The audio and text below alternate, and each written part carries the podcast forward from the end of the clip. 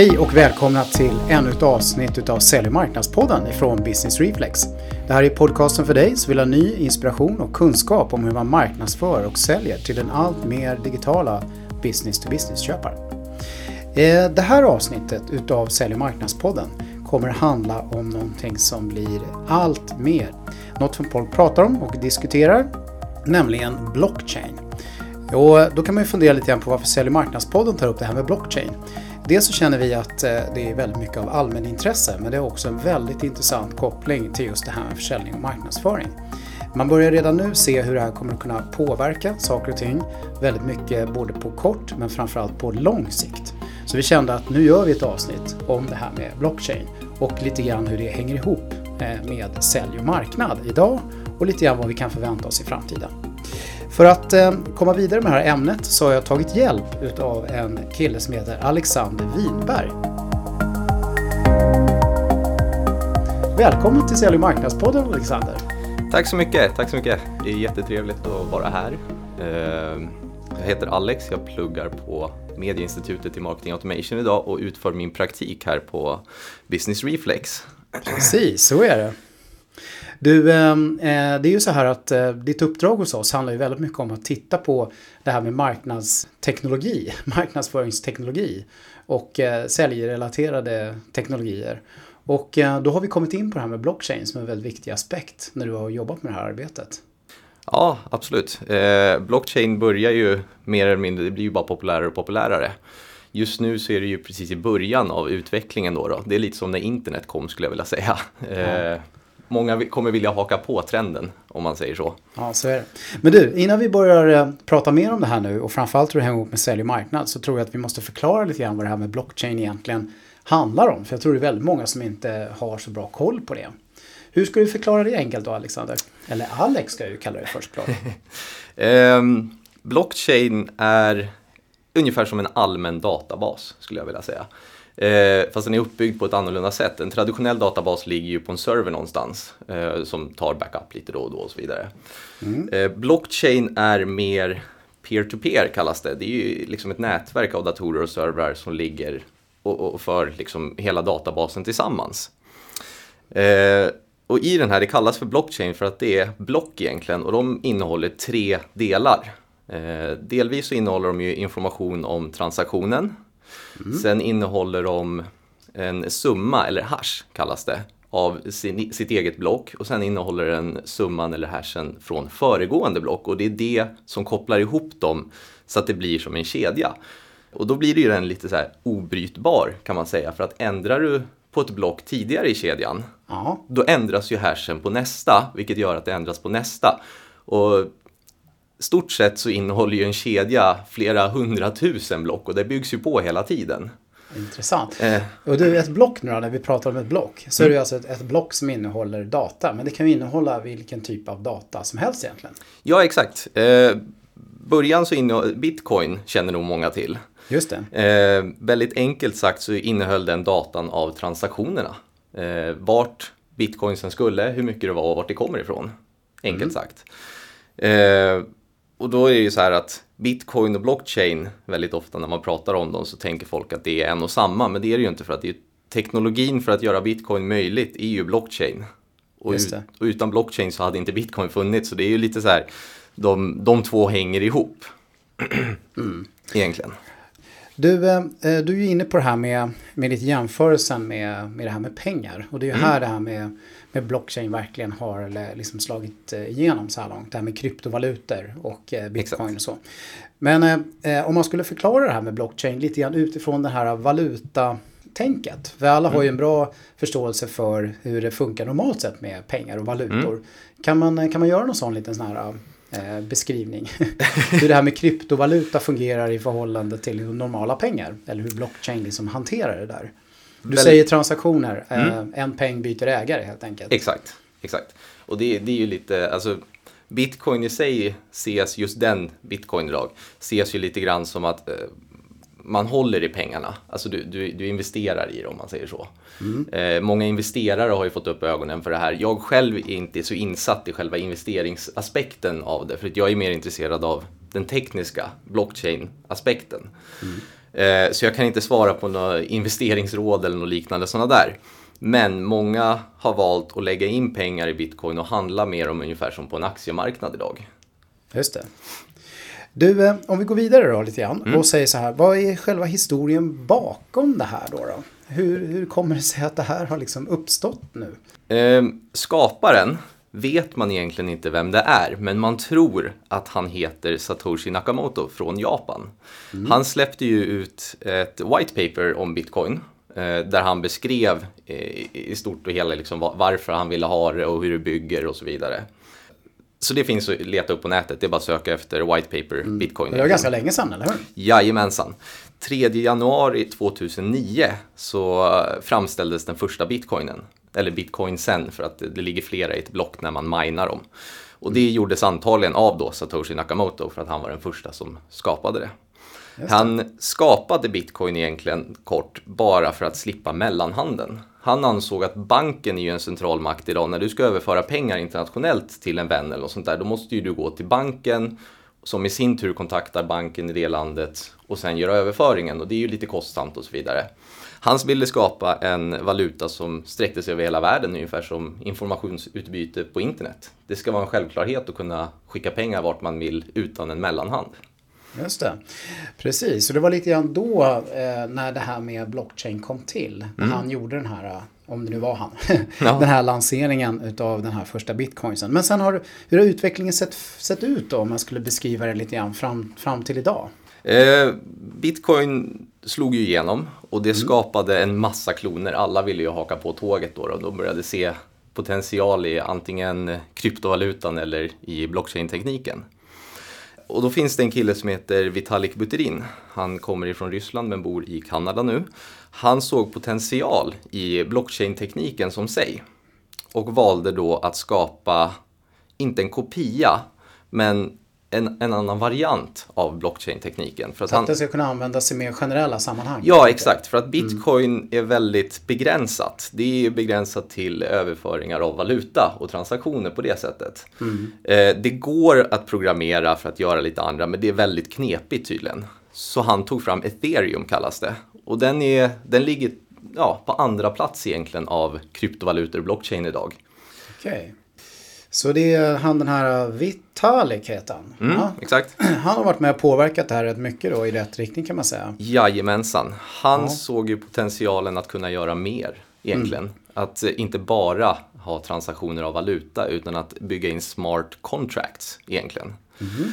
Eh, smarta kontrakt på svenska. Eh, det fungerar så här att du kan bygga in små program i blockchainen egentligen som verifieras av nätverket. Eh, av alla som är med och minar kan man säga då. då. Ja, Och de mycket här- intressanta begrepp här. Ja. Minar. Ja, det, det kallas... Det är från den här goldmine-eran. när alla skulle ut och gräva guld. Liksom. Jag tror att det är därifrån det kommer, men jag är inte helt säker faktiskt. Nej, all right. Ja. Ja, vi, ursäkta, jag avbröt er här nästan. Ingen fara. vi fortsätter, det är spännande. I de här Smarta smarta, kontrakt, ja. I de här smarta kontrakten så kan man bygga in eh, andra saker egentligen. Som när du har ett kontrakt mellan två företag så du ska betala för den här tjänsten och när den är utförd ska jag få mina pengar. Eh, det, är, det är liksom en typ av escrow eller en mellanhand eh, som, som ska hålla i det där. Och då istället så bygger man in ett smart kontrakt som säger att när det här är uppfyllt så släpps pengarna till den här personen. Till exempel. Och då som ett exempel då kan vi ta, känner, känner du till Kickstarter eller Indiegogo? Ja, Kickstarter, det har jag hört talas om. Ja. Eh, det fungerar ju på så sätt att Kickstarter är ju företaget. De, då kommer ju ett, före, ett annat företag som vill pitcha en idé. Ja. Kommer ju till Kickstarter och säger vi vill pitcha den här. De marknadsför en, in, idén, lägger upp videos och allt möjligt. Sen så kommer ju då privatpersoner och lägger in pengar för att de tror på det här projektet. Och när det är uppfyllt så ska Kickstarter då släppa pengarna till företaget som har pitchat en idé. Och det. uppfylls det inte alls, då ska pengarna gå tillbaka till de som trodde på det. Ah, ja. Eh, och smarta kontrakt kan byggas på exakt samma sätt, bara det att då litar man inte på, då behöver man ingen mellanhand, utan då är det liksom nätverket som verifierar om du kommer upp i summan som är sagd i det här smarta kontraktet. Aha, så man det då kopplat till det helt enkelt? Man kan göra det. Okej. Mm. Ja, sen nämnde du något om Indigo eller vad det var. Indiegogo, det, det är exakt Indiegogo, samma sak. Det är ja. exakt samma sak som Kickstarter egentligen. Okej. Jag tog upp båda bara för att se vilken man har hört talas om. Right. Kickstarter är väl egentligen den största där tror jag. Ja. Sen. på det, eh, efter de här smarta kontrakt och ethereum, så har ju faktiskt IBM, tror jag många känner till. Absolut. De har ju gett sig in i leken och skapat någonting tillsammans med Linux Found- Foundation, eh, Hyperledger. Och det är en annan variant av en blockchain fast mer utformad för företag idag egentligen. Okej. Eh, och då har ju flera företag hakat på det där, för IBM gav projektet till Linux Foundation för att de vill att det, Det open liksom- source helt enkelt. Ja, exakt. Lite mer open source. Och då har ju typ Intel, känner nog många till, hakat på där också. Så att stora företag visar ju faktiskt intresse för att blockchain kan användas.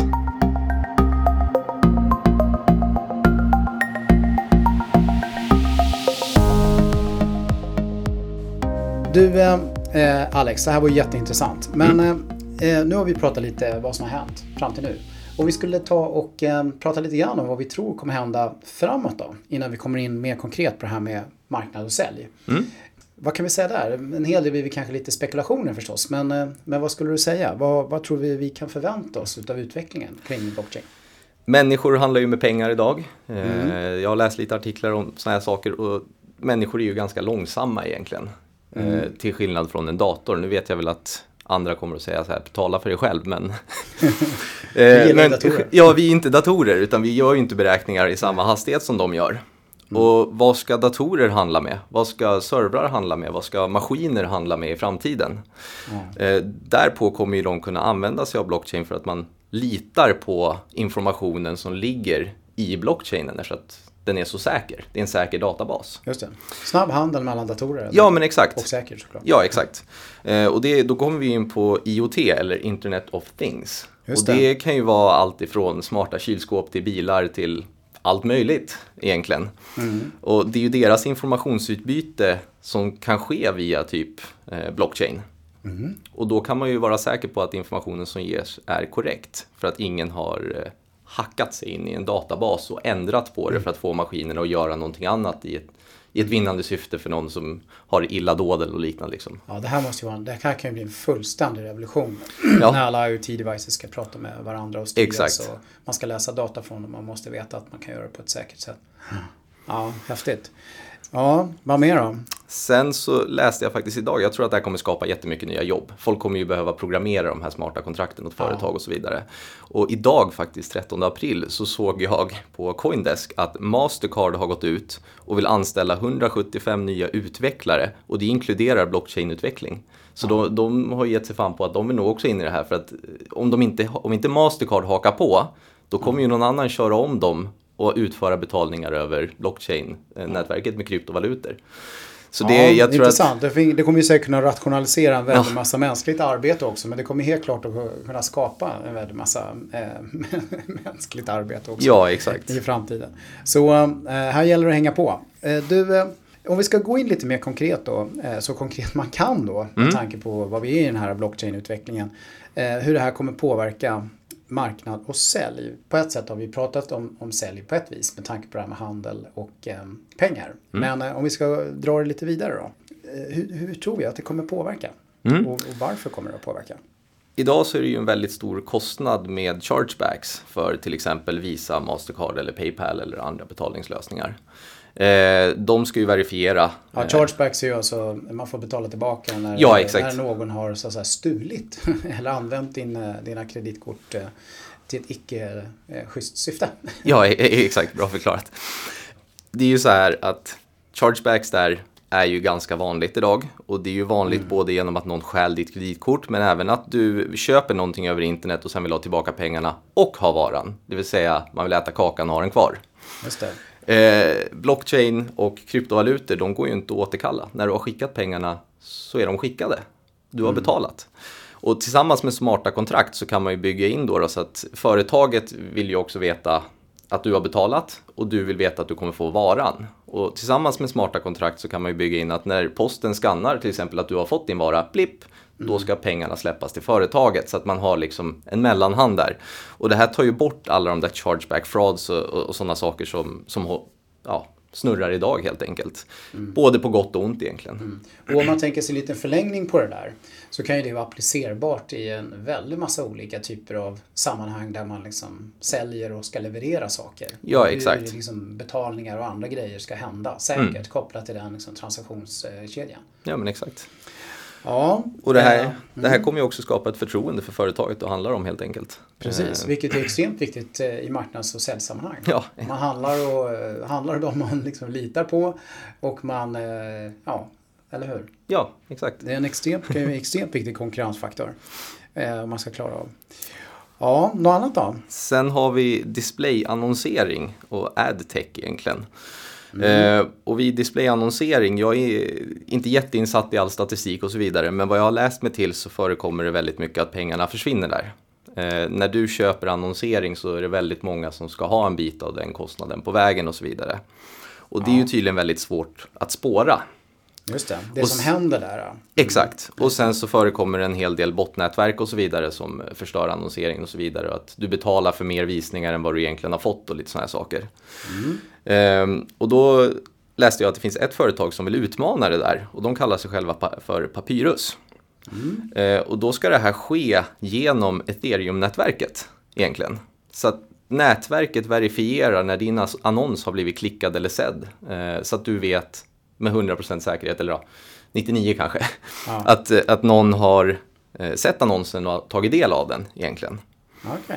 Eh, mm. De är ju väldigt tidigt, det är ett betastadie, ingen har gått ut någonting med där. Och sen finns det lite fler aktörer som jag läste på om Adcoin, AdShares, AdX och så vidare.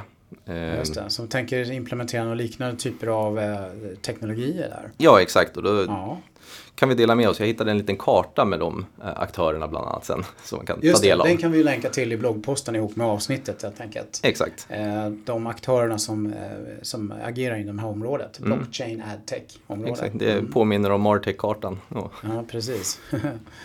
sen har vi ju IBM då, då, som jag nämnde tidigare med sin Hyperledger. Just det.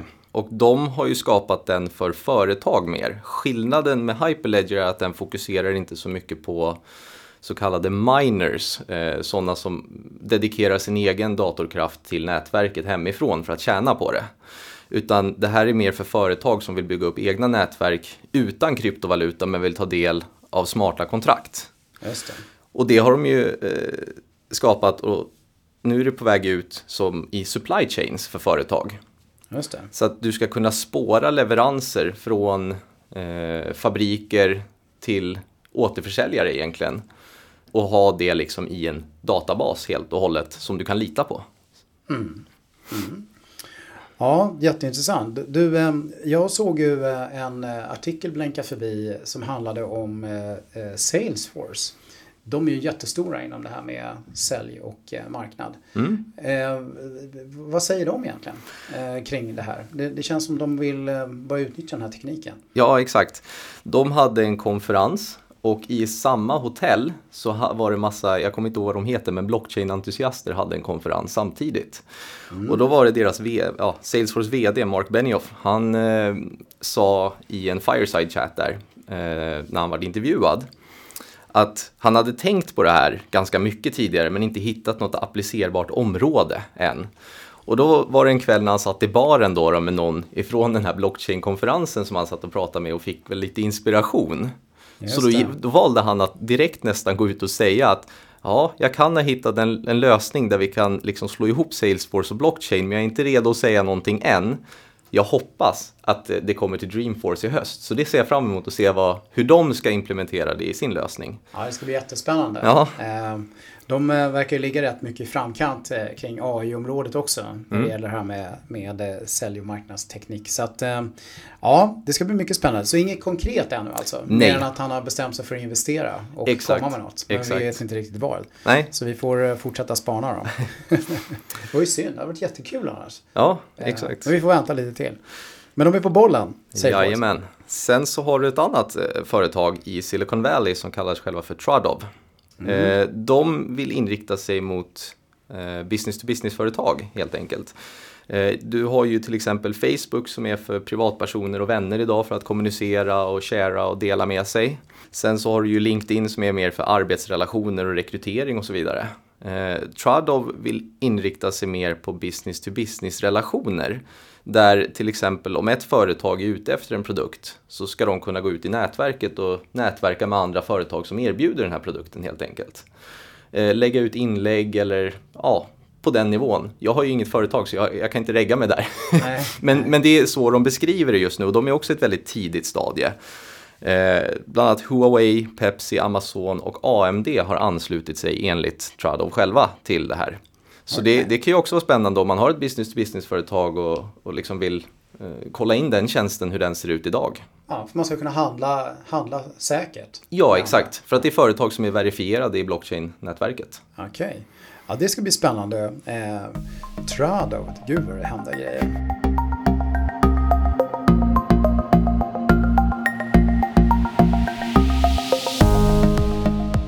Ja, du, eh, jag tror vi kör vidare Alex här. Eh, det finns ju otroligt mycket som vanligt då. Fantastiska möjligheter och eh, väldigt höga förväntningar på den här typen av ny teknik. Eh, men det man ju däremot hör är ju att eh, som vanligt, det finns en baksida på det här eh, myntet. Vad, vad är det för någonting man pratar om där så här långt när det gäller baksidorna på det här med blockchain och kryptovalutor och så? Som med allting när det blir populärt och växer till sig så drar det ju också till sig väldigt mycket oseriösa spelare där ute. Och det, det, är ju inte bara blockchain, det gäller ju egentligen allting här i världen. Mm. Eh, när det finns pengar involverat så vill, eh, vill folk utnyttja varandra helt enkelt, eller andra. Så den största baksidan är nog mer associerad till kryptovalutor idag. Eh, och då många liksom har, de vill tjäna snabba pengar på det helt enkelt.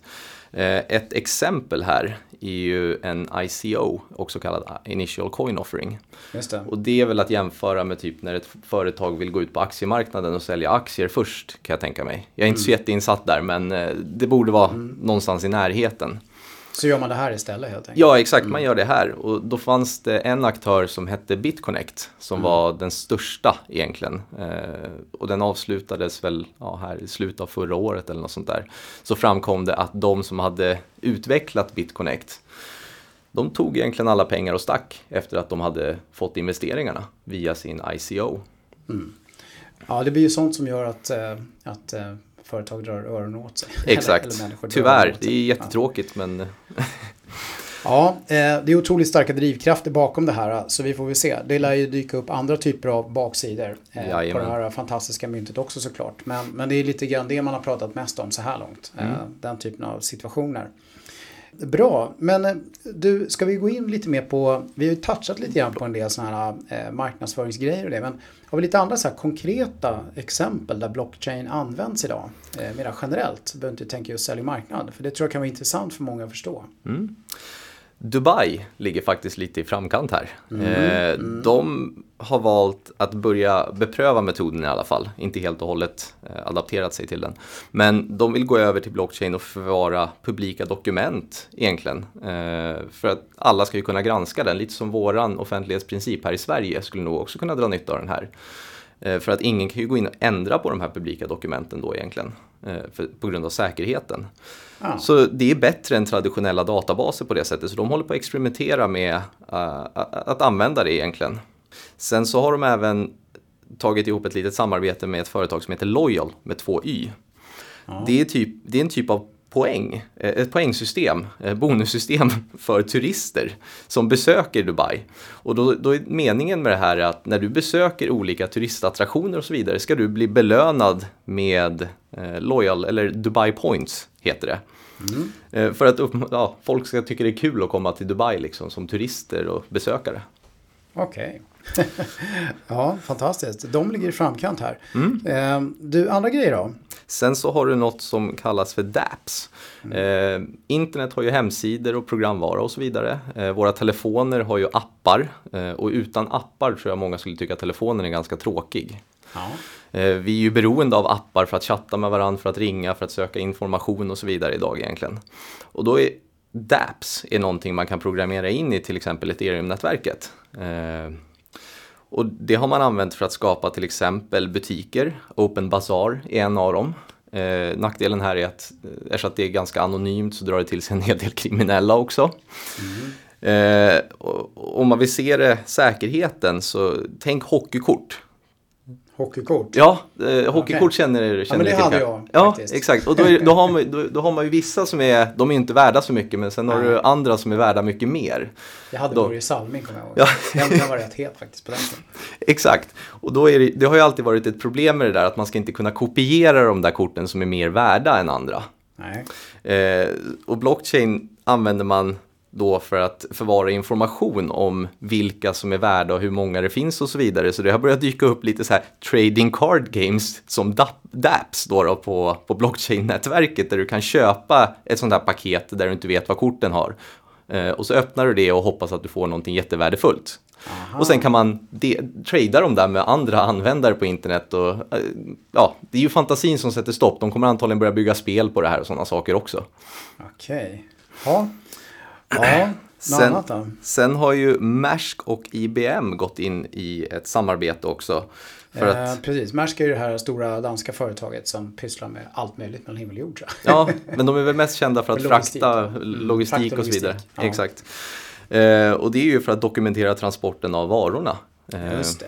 Och precis. IBM kom också ut ganska nyligen tror jag det var eh, med att de har skapat eh, ett litet chip egentligen som, är, som man kan connecta till blockchain. Ett litet chip du sätter i transporterade varor, typ. Det kan ju vara allt ifrån byxor upp till jättevärdefulla saker. Och det här chippet följer då transporten ah. och skannas av hela tiden och lagrar den informationen i blockchainen för att kunna följa varan. Och det kommer ju kunna användas av till exempel ja, posten sen. Att du kan följa, du litar inte på att posten vet vart ditt paket är, du litar på att blockchainen vet vart ditt paket är för att den skannas och känner av vart den är hela tiden. Okay.